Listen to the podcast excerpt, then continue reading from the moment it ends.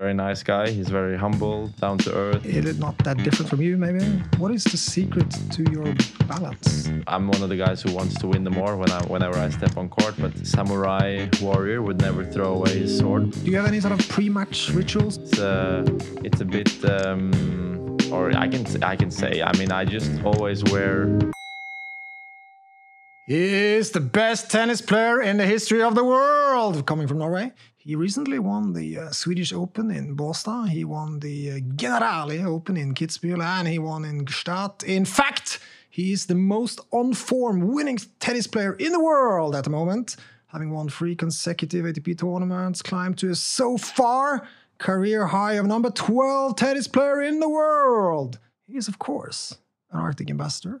Welcome to the Arctic Podcast Studio, Casper Ruud. Thank you.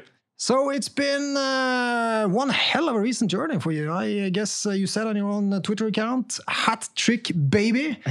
so uh, please, uh, what was the best uh, of the? I know you have three children. You're not supposed to choose which one is your favorite child, but what was your favorite tournament win of the recent three?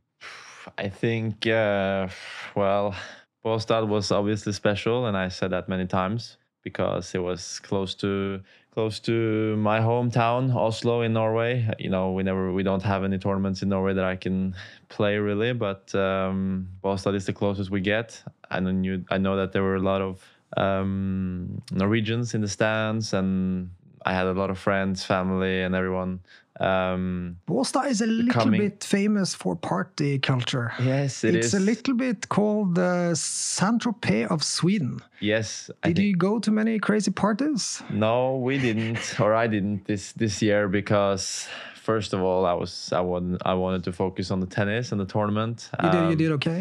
Yeah, and then uh, it's not allowed for us at the moment with the COVID restrictions to go out to nightclubs or concerts. That's the only thing we can't really do now. Do, do you miss that? Not really. It's not a big. Uh, it's not a big sacrifice for me not to go to. I mean, sometimes it would be fun to maybe go to a concert or whatever here or there, if if it's possible. In in because many times we we we play in big cities, so some of the big artists can be around at the same time. So that would be fun, but uh, it's not very often that we go to. Um, to nightclubs anyway, so it wasn't a big uh, big sacrifice really. So Båstad is of course the Swedish Open, and you won it. And I think that many of our Swedish colleagues in Arctic and many Swedish fans of you, Casper, uh, really appreciate you. Are now by far the best tennis player from uh, Norway and Sweden and the rest of the Nordics uh, for that uh, perspective. So a uh, bit of a you know easy question: Is uh, Norway now a bigger tennis nation than Sweden? It's uh, it's it's a tough question, but I think definitely the history and the tradition is more in Sweden. But at the moment, you know, we have the highest ranked player, but doesn't mean that uh, you know Sweden they have more players than us. Let's say within the top 500 or the top 1000 in the world, so they have a bigger tradition. It's just that at this this moment, the the highest ranked one is from Norway, and uh, you know, I played actually the highest ranked from Sweden, Mikael Ymer, in, in Kitzbühel in, in the last tournament. And, and remind me, he's number 90? 90, I'm not sure, around 95 or something like this. And uh, But he had a match point in the match. He was close to winning, and I think he played uh, much better than me for, for a big part of the match. But. Um, luckily I was able to to win in the end. But it, it doesn't. It shows that even though you're ranked higher, you you can lose to many players, and any player within, mm, you know. Uh, the top 500 is, is a very good tennis player, I would say, and they can really hit the ball well. So it's not uh, it's it's not like that big of a difference, even though the numbers are in a bit in my favor, I would say. Do you remember the last Swede to be ranked inside the ATP top 10 in the world?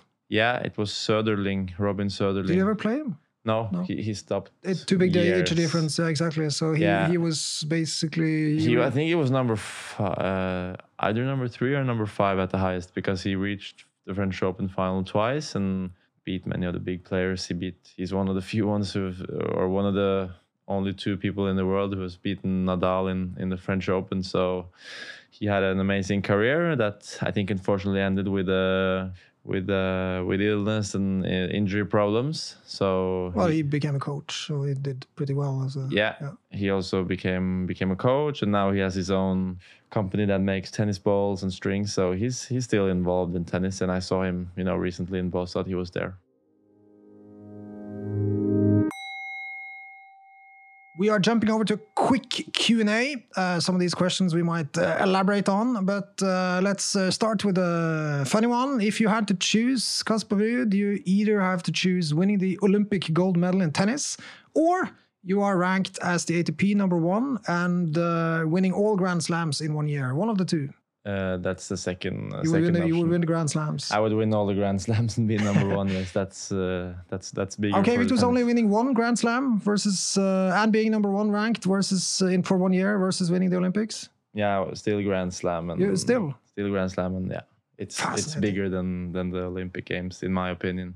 Let's uh, jump to a couple of famous old players: Nadal, Djokovic, Boris Becker, Björn Borg. Who would you rather be as a person? I only know Rafa like a bit personally, so I think he's a very nice guy. He's very humble, down to earth, and he's very Not that different from you, maybe. Yeah, he's uh, he's you know been my idol for many many years and someone I've always looked up to. And getting to know him better, you know that uh, that feeling maybe just grew even stronger. So uh, he's yeah, he's just a very nice guy. And even though he's won everything you can win, he still has his feet very well planted on on earth. Whose uh, tennis skills would you rather have? Okay, let's uh, divide this question into two then. So, uh, have you looked on any of those old photos, Boris Becker, Björn Borg, any of those uh, skills that you really wish that you had? I think uh, I think Borg was definitely special uh, in many many ways, and I've actually had um, I, I had a massage one time with a massage therapist who who had given um, Borg massages in, Oh, really? in the in That's the old That's times. the So he- closest you've been. yeah, he he was a bit old, he was a bit older this guy, but he told me that um, Bjorn Borg was the athlete that he treated that was you know he he treated many athletes and he was the one that uh, he felt had the best kind of athletic body you know in the way that his he was very symmetrical on both sides and he was very uh, Is, is that a even thing? he was Do- uh, I'm jumping. Uh, Are you are you ace? Do you have any problems at all? Are you asymmetrical? Because some some people have like a, a- a stronger right arm or Yes, and in tennis that's very normal because your your your Using right the- shoulder is stronger than your left, no matter what, because you can't do as many serves with your left shoulder if, if you're right-handed. I mean, there there will be some uh, differences. some differences. Obviously, you try to minimize them with all the fitness we do and all the rotational work and preventional work we do every day or not every day but every week to to minimize the differences. But he told me that you know borg was the one where he felt like his Symmetry, leg, yeah symmetry was very good and his legs were just as strong as his upper, upper body and everything was very like um well uh, So if you could choose, you would be more symmetrical, like uh, Borg. yeah maybe uh, that you know You i was I'm- i I'm was not- young so i didn't know too much about uh, fitness and everything we, we do now uh, but he he was at least he was very impressed and that i guess made me uh, very impressed also I'm not an expert, but you seem quite symmetrical to me. I wouldn't uh, worry. yeah, we are we are doing a lot of good work, and uh, I have a fitness coach that's been working with me since I was 13. So he knows my body well and has uh, has to. I have to give him a lot of credit for the the work he's he's done with me. Even though many days when we're doing workouts, I don't like him so much because it's it's tough and uh, he makes me run and he makes me suffer a lot. But uh, in the end, it's worth it. We are jumping a little bit into health and uh, sacrifices because you're here, of course, in the Arctic Studios. We're very proud to have you as an Arctic ambassador, and uh, we served some uh, cake. You didn't eat the cake. I asked if you wanted uh, coffee. you, you don't take coffee. Uh, what, what, what is your uh, okay? So, a couple of questions. Number one, what is what is the biggest sacrifice do you feel in terms of eating or drinking? Any sort of guilty pleasures that you really crave for? Kex, Some- chocolate.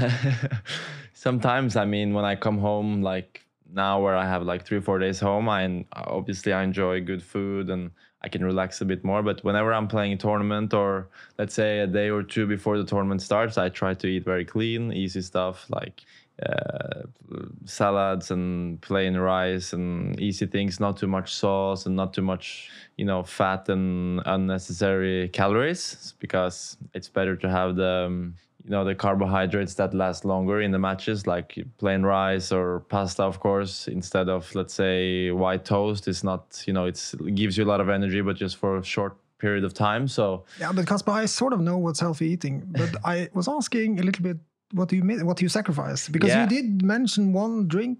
It- Yeah, it, it was not tequila. No, but I mean, uh, I don't drink alcohol, so I can tell you that. But the, the, the thing that I wanted to say was that, you know, after, let's say, a long day or you won a match, uh, you're in the hotel room, you are maybe in bed watching some Netflix. It would obviously be nice to have some chocolate or some, chocolate. some chips. Not hot chocolate, regular chocolate, like Oh. uh, milk chocolate or bag of uh, chips or whatever. But then uh, I, I I do that whenever I come home and I don't have tournaments. I can do that, but that's a bit tough. Can be tough sometimes because you want to give yourself some some some treats. But um, I don't drink alcohol basically because I don't like the taste either. So doesn't really ma- make it a sacrifice for me. But um, but I think. Um, You you would you, you would have had more hot chocolates. if you- yeah, if, if hot it choc- I like hot chocolate for the for the, for the mornings, but it, ha- it has to be made uh, good in a good way, and it has to be made with uh, milk because just hot water and you know the chocolate powder doesn't doesn't do it. Are you superstitious? Do you have any sort of pre-match rituals? Do you have to take your right shoe before your left shoe? No, not really. I mean, I, it's not that bad, but I think every athlete has their own rituals that they like to do, and comes down to you know basically what you eat in the morning is Did usually ever- the same every Did- time every day Did you ever breakfast. blame when you lost the game? Did you ever blame losing on putting on the right shoe before the no, left shoe? no, no, I never did that. but there are certain things that we do, and the way, let's say, you put your grips on your racket, or you know, but it's it's more a ritual because, or yeah, because it's things you do like the whole day leading up to a match. You want to do whatever you can to perform the best. So that means that you eat your lunch an hour before, two hours before, three hours before. Every that's individual, but we all have our own uh, things we like to do and when we like to warm up in the morning or all these things. So definitely there are rituals, but I'm not superstitious yet. What is your ultimate? or I am I am actually a bit, but it's uh it's a bit um it's a bit or I can I can say I mean I just always wear um Abercrombie and Fitch underwear Oh, really? for my matches. So no, no I save all the Abercrombie and Fitch I have. I have like five or six, and I always use them for the matches. So even if it was a little bit dirty, you would put it on. no, then I think I would be. I know they're always clean. That's that's for sure. Because obviously there's always laundry services at the tournament, so I always have a, a pair ready. But uh, So if Björn Borg, the underwear company, came to you and they said, "Okay, we want to offer you millions, but you have to wear Björn Borg underwear for every match you play," you would you would say, "Sorry, can't do it." Maybe I would give it a try. But uh, it's it's. I don't think it. That's where the the victories are are are are won. But uh, but uh, that's one thing actually. Then what that I think about now. It's a bit intimate, but uh, We I- like it. Yeah, we, we, we have no secret. We're all part of the Arctic family. We're, you're an ambassador. We are. Uh, we're all friends here. This only goes out to uh, billions of potential listeners. So don't, don't worry about that. Uh, and then uh, on the subject of uh, treats, Kermit or the Hulk. Mm, Hulk. Uh, do you know what I'm trying to be funny about referring to? Yeah, I, I guess uh, the the the Rolex watch. Rolex watch. yeah. Do you have a lot of watches? Um, I have uh, five at the moment. You, you're a member of a watch club on the internet, I heard. yes, I'm a member in Facebook of this uh, yeah watch club called uh, it's called Klokkeria in in Norwegian. So I think it's a bit fun. It's an, a small interest of me. Um, You don't play with the Rolex. no, I don't play. I don't play with the Rolex. It's not sponsored or anything. I Uh, Okay, I, I, does anyone play with like Garmin's or? uh, the only one that plays with a watch is Nadal. He plays with a Richard Mille, and it's you know I think his watch is like worth like one million dollars or whatever, and he probably gets several million dollars a year to play it. with it. So he um, he plays with one, but his is only 18 grams of weight. It's very very light. It's made of like this crazy carbon fiber thing that is the only like Richard Mille and NASA for the spaceships that they're they're uh, not allowed, but they they have the material or they have the supply of materials to to to to make something like this. At I'm least sensing you are quite interested in. At least, topic. yeah. But he told me because I had a dinner with. Uh, yeah, I, it's funny because I had a dinner with Nadal in two years ago. Like that was only a couple of weeks after I bought my first uh, Rolex watch. I was, you know, very happy. I was wearing it, and and he saw because I had a deal with Hublot for two years, so I, I got two watches from before, and then those I got from the deal, and then I, I the, the the the deal was done, so I bought my my own kind of it was a treat for myself after I, I made my first final at an ATP level. So I I, I, uh, I gave myself a present in that way. And then he noticed right away because um, it was it's just a it's it's a steel one. So it's not like any any gold or anything but it's a bit like uh, flashy in the light. It it it, it gives a nice color to the watch and he saw it kind of right away and he asked me like do you have a new watch? And i said yes. And then he said ah give me give me the watch. Let me see it. And then i gave him the watch and then he was like and, and why didn't you buy a richard mille? he asked me. Ah, okay. you have the money now that you made your first final and all this so he was joking a bit. And i told him that you know if uh, if i can have one from you then yes but i would never pay that much for a watch. I think that's a bit uh, stupid but then i asked to see his and then it was it was a bit cool to to hold it because um, it's, it's a bit special. Yeah. It's only limited to a couple of pieces in the world, and he told me a bit about everything because I asked. I didn't obviously didn't ask how much he gets per year from the company, but he told me you know everything about the watches and how they're made, and you know that he actually um, actually one time when um, when he won the U.S. Open I think it was. He he fell down to the ground and then he kind of scratched the glass completely. And that watch was like eight hundred thousand dollars or whatever, and he had to get a new one. But the owner it was probably yeah, worth it. But the owner is uh, owner is yeah, the owner's name is, is Richard Mille. Obviously, that's the guy, and he kind of wears that watch now around with with the scratch of because course. he thinks it's cool that that's Rafa used it. So that's worth quite a lot more. So he told me everything about the materials, and it's uh, yeah a bit uh, a bit cool to to to understand more. On the subject of timekeeping, how many hours do you sleep per night or per uh, per per day a night? I try to it's tough to say an exact number, but I try. If I don't get more than eight, eight and a half, I will be quite tired. So anything from I would prefer maybe around nine. I think it's the the perfect kind of number, around nine hours a day. The reason I'm asking is, of course, that many people were surprised to hear that uh, Federer sleeps around 12 hours per day. Yeah. He sleeps for about 10 hours in the night and takes a two hour nap in the afternoon. Now, of course, I guess the question did, do you know, did you ask him or did anyone, I mean, how much did you sleep when he was your age? I, I never asked him about it because I don't really know him too well, but I think that's.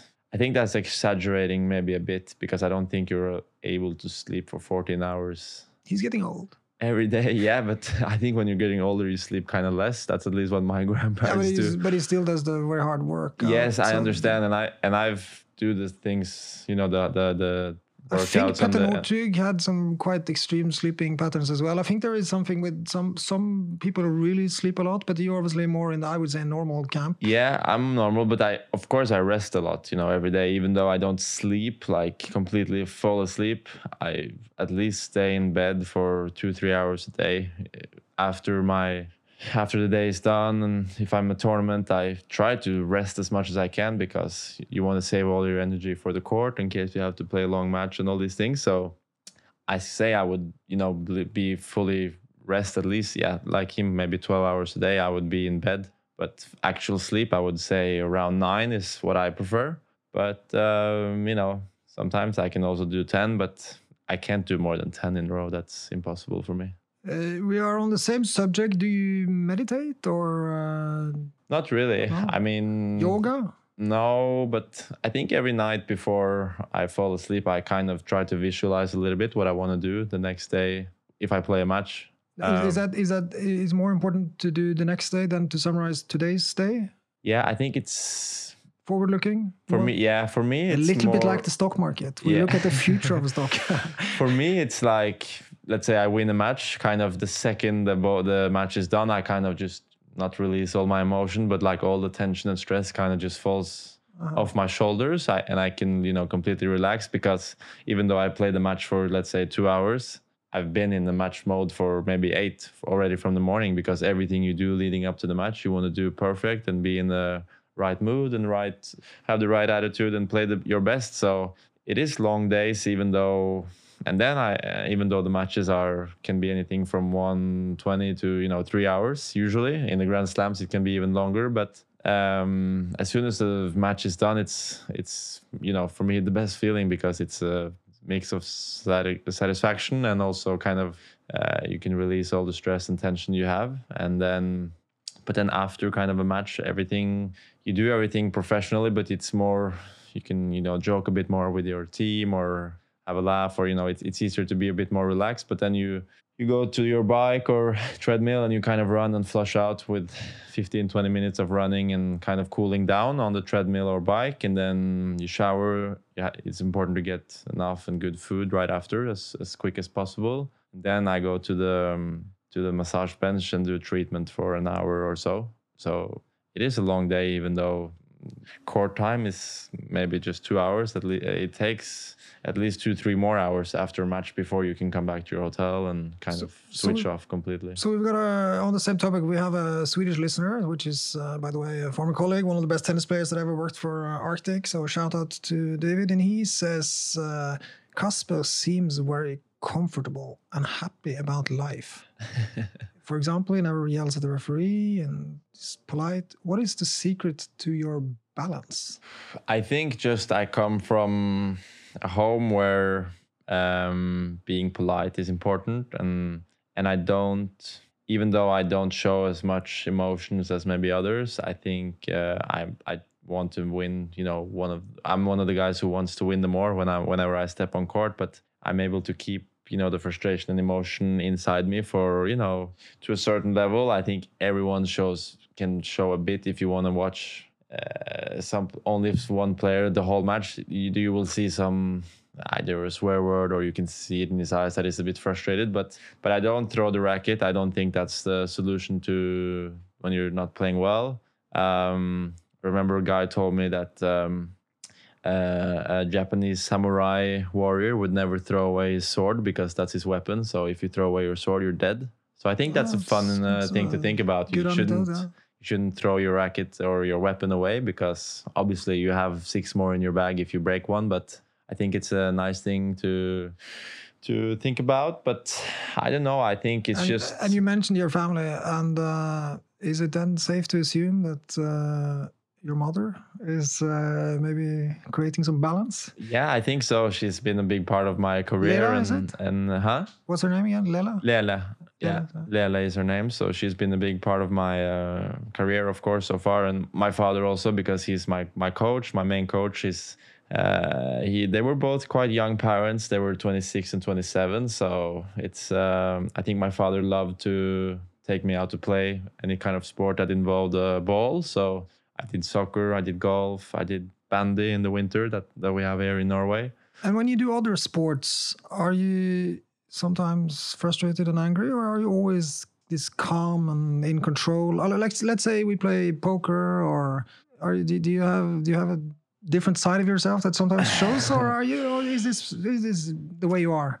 No, I think I think the place I would get more frustrated is maybe on a golf course. Oh, really? So you some you, you would sometimes maybe throw the golf. uh, Yeah, I mean I've thrown some clubs around on the golf course, but then you're more alone and not many people see you. So I think I've gotten away with got and it's no not way with your that. professional sport. No, and I don't break the clubs because I just throw them maybe maybe a couple of yards or meters away. So and they land on soft uh, grass, so it's okay. But I I'm you know the last five years I've played tennis or I've played tennis for my whole life, but golf has been the sport that I kind of played more of other things the last five six years, and I I, I love the game and I try to play as much as I can, but it's obviously not that easy when you're traveling to play tennis. And golf kind of takes up some energy so you don't want to play you don't really play a round of golf the day before a big match for instance because then you you will Go be out there for 4 hours and you have to walk around okay if you drive a car then it's a bit different but it takes up some energy. So maybe if I lose early in the tournament or something I would go maybe the next day but it's not too many days we have to to play golf. But um last year's last year when in the when the COVID came, I think I played maybe more golf than tennis. We need to touch upon the Olympics now. First of all, uh, you never played against the guy who, at least according to the ATP homepage, you never played against the guy who won the Olympics. No, I didn't because uh, it was Murray for two years and Rafa, and I haven't played them. No, no, but this, this this year, the guy Alexander Zverev. No, no, no, I didn't you- play you against never, you Zverev. played him? No. You did uh, play and beat uh, the guy he beat in the final. Khachanov. Yeah, Yeah, you beat him. I beat him last year in Rome. Rome. Oh, yeah, in the first round.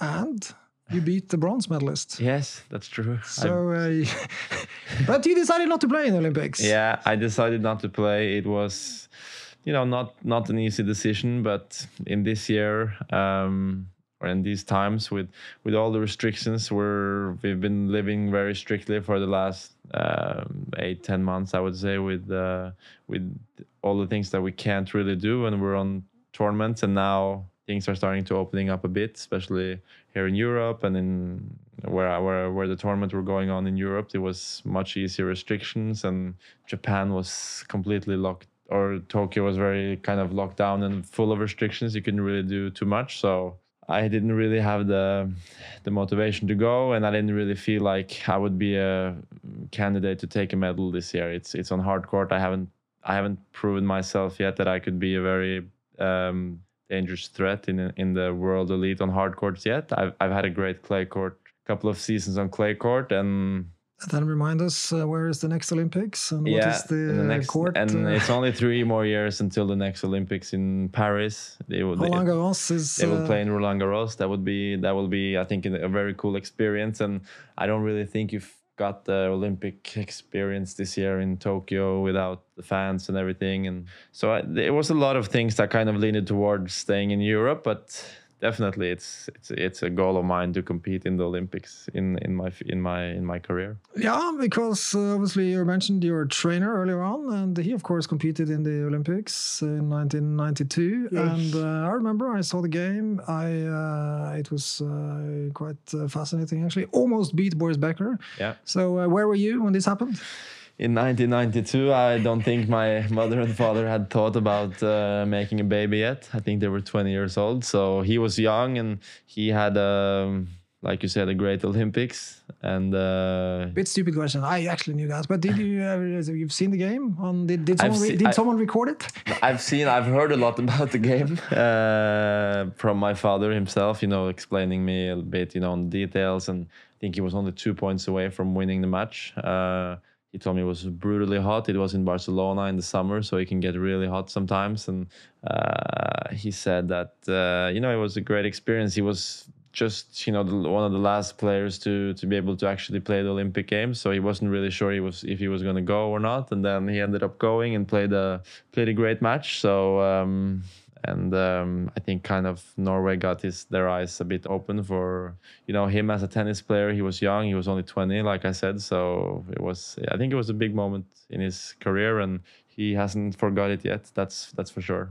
We are obviously uh, doing this podcast. We're putting it out on social media. Maybe you're gonna tweet the interview if you're happy with it as well. Um, well, it's been a little bit focused on social media lately. Uh, who is uh, Nick Kyrgios?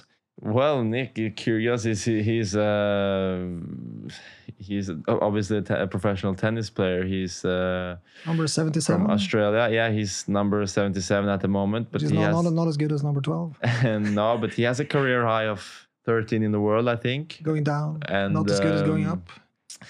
And he's uh, played big matches. He's beat he's beaten all of the big big three. Uh, so he has an unbelievable potential. And when he's on top of his game, it's it's very dangerous. And he's uh, yeah he, he has the game to beat the the big three players. He's beaten all of them. So that's you're being, a very, huge you're being achievement. very, very polite. yeah, Uh, but uh, he's you know- he, he doesn't seem as polite as. Uh, that's the way I am. So I mean, I, I we've had some, we've had a small feud and back and forth a little bit on uh, Twitter, especially. And you know, just last week I was just um, asking a, a question that I thought was a bit funny because he obviously isn't too fan of the the clay court tournaments and all these things, and it was just I just saw the irony in it and asked because ATP had asked uh, you know fans and anyone to ask him a question that he would answer in the in the coming week. So they, I they just, did, they did actually say make them fun, please. yeah, they, So- and they so said make were- them fun. So I, I thought at least it was a funny question, and I- I then agree. uh, I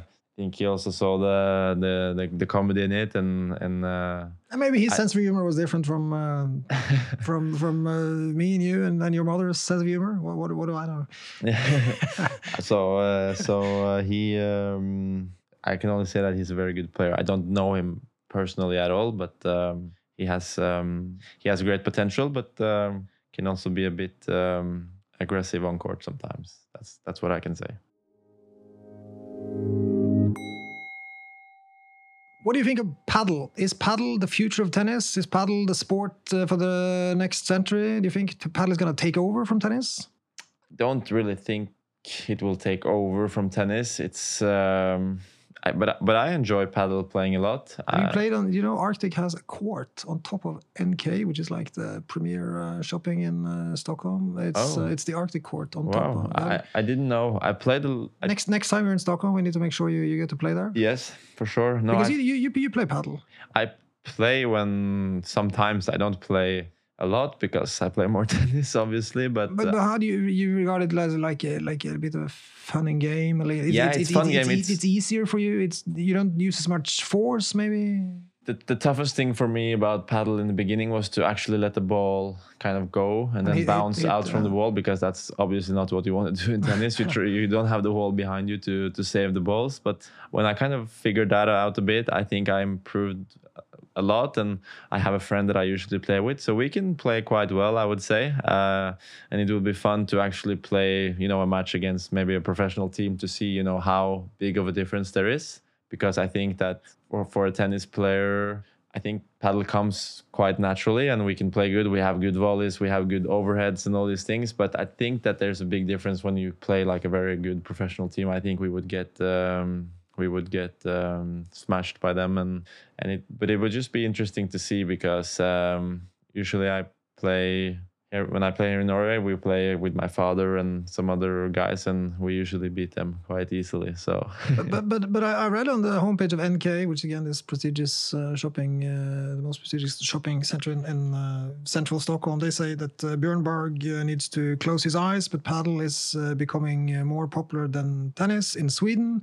Many reasons for this. Maybe it's because it's so easy, and you don't need to be as pro to to to make it more of an e- even match. So yes, but you see this as, as a sort of a, an addition to tennis. You don't see this as, as I, I did speak to one tennis uh, friend of mine, and he's, he was like a little bit like maybe you know the younger generations are gonna more of them are gonna play paddle. It's gonna become more of a social thing. Tennis can be a lonely sport. You're uh, up against paddle is more of a doubles. yeah. Paddle is more dou- you play more doubles, and it's I think it's an easier game. Uh, and like you said, for you don't need to be extremely good to get good rallies and have a fun time with it because in tennis, obviously, if you have two beginners on each side of the net, there will be no rallies at all because Exactly. they will just. Uh, Or if there's a little bit of a difference in tennis, it's it's very boring for you to play against uh, most people in Norway, right? Because you obviously the, the, the difference is too big. Yeah, but uh, I think I think kids. I don't know. Let's see in some years, but I think if kids grow up, I think they will prefer to try to play tennis than paddle because when I play paddle here in Norway, I mostly see people that are 25 or 30 years old and plus. I don't really see young kids playing too much, Okay. but uh, and I think that if they if the kids play, I think it's mostly young tennis players that have fun with it. A little bit like you know what I'm doing, but I haven't really seen classes and course and kind of yeah courses for kids yet in paddle clubs. But it's not. We haven't really. We don't really have too many clubs with paddle in in Norway. It's, It's more more, like social- center where you can kind of rent court and all these things. But it's it's very social and it's a very fun fun sport. So I, I'm obviously positive to it and. But I think it's more just an addition to, to tennis, really. We are rounding off. Uh, extremely happy for all the uh, knowledge that you've shared, especially about the underwear. Uh, but uh, you also become a little bit of an investor. Uh, the ATP homepage says that you made prize money of three and a half million dollars. In addition to that, there's of course all the uh, sponsor money that I couldn't possibly comment on. But uh, yeah, so you said in Boston, did you invested in something called Yibber? What is that?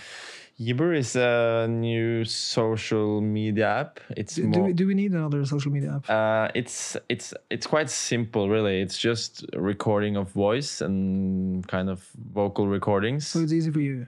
yeah, it- like this interview, you could easily post on Yibber. It, but we are posting already on Apple and Spotify, and Yes. so it's an additional. But it, it's it's additional, and it's also uh, an easier way for me, like as an athlete or a famous person, to maybe sit down, you know, once in a while to just maybe talk about, you know, how I felt in Båstad or how I felt there, about my matches, how how my weeks are going, to update my fans a little bit because sometimes to write all these things can be if you love writing then yeah sure but if you don't really like to write too much you can just start a recording and you can you can talk about anything. You can make a song on Yibber if you want. You can put a podcast if you want. You can invite friends to join your conversation and all these things. So it's it's a simple but i think it i like it. And i think it's nice for my at least you know me and my personal uh, personal uh, use to just uh, if if fans or supporters want to follow me there i can give them some updates you know what i'm doing you know every week. And, and it's nice to own some equity in the thing because uh, Yeah, and it's, uh, both you're doing two things at the same time, both communicating and uh, if it works, then you're then it's a it's a good thing obviously and yeah it's been some it's uh, obviously um, like you said i'm i've done some investments here and there i think There, there was an article in Finansavisen saying that you've uh, done a Houdman and got gone all in, Vaccibody and Cahoots. Uh, are you? Did, did, you play tennis with Houdman or? Uh, yeah i've played a little bit with him obviously he's a big uh, fan of tennis so um, he's uh, he's a really nice guy and he's been um, I think he's hit uh, quite a jackpot, you know, couple, the last couple of years with a couple of stocks, and um, you know why not? Uh, why not do the same? I mean, the option is there. Everyone can buy uh, the stock, the stocks these days, and, and including up, myself. and they go up and down. A little they bit. go up and down a little bit. You know, one of them, they went, it went really much uh, up last year, and then kind of fell down a bit this year. But that's okay. I think that's a part of the journey, and then the the when it goes up again, it will taste even better. You know, if you've experienced some uh, some tougher times. But no, Wise I- words. You should be a stockbroker, and uh, we, we tell our clients every day. Ah, it goes a little bit up and down. It's part of the part of the plan. Yeah. So your your your schedule. We are rounding off. Your next tournament now is where, where are you flying to next? I'm flying to Toronto, Toronto? to morning. So uh, to morning, no, tomorrow, tomorrow morning. That was what, what I wanted to say. So um, And then you're you're staying in North America. You're going to play in New York. We have an office there, so maybe some of our colleagues there will will go and see you. That's Yes. the uh, the U.S. Open, of course. So you're you're basically in North America for a month, or Yeah, a month, about a month. So it's Toronto and then Cincinnati in Ohio, and then a week of practice before the US Open. So it's three tournaments over there, but yeah, they stretch over a month or hopefully five weeks. If I reach the second week of US Open, it will be an extra week. So the ideal thing would be five weeks, but uh, at least a month. Casper Ruud, you are an inspiration. We are, of course, extremely proud of your uh, last uh, hat trick, and we are extremely confident that there will be more uh, tournament uh, victories and uh, more inspirational uh, results also in the future. Thank you very much for uh, being here today, being an Arctic uh, ambassador, and uh, yeah, we wish you, of course, the very best of uh, Arctic luck in the tournaments to come. Thank you so much. Thanks for letting me on the podcast. Thank you. This podcast has been prepared by Arctic for information purposes only. The information, opinions, and recommendations presented in this podcast are for general information only, and any reliance on the information provided in this podcast is done at your own risk. This podcast should not be considered professional advice. The information provided in this podcast is not intended to constitute investment advice, nor is the information intended as an offer or solicitation for the purchase or sale of any financial instrument. Relevant and specific professional advice should always be obtained before making any investment or credit decision. It is important to note that past performance is not indicative of future results. This podcast does not fulfill the criteria for preparing investment research and must be seen as marketing material. All information submitted during this podcast is obtained from public sources that Arctic believes to be reliable, but which Arctic has not independently verified. Arctic makes no guarantee, representation, or warranty as to its accuracy or completeness. No liability whatsoever is accepted for any direct or indirect, including consequential loss or expense arising from the use of information from this podcast.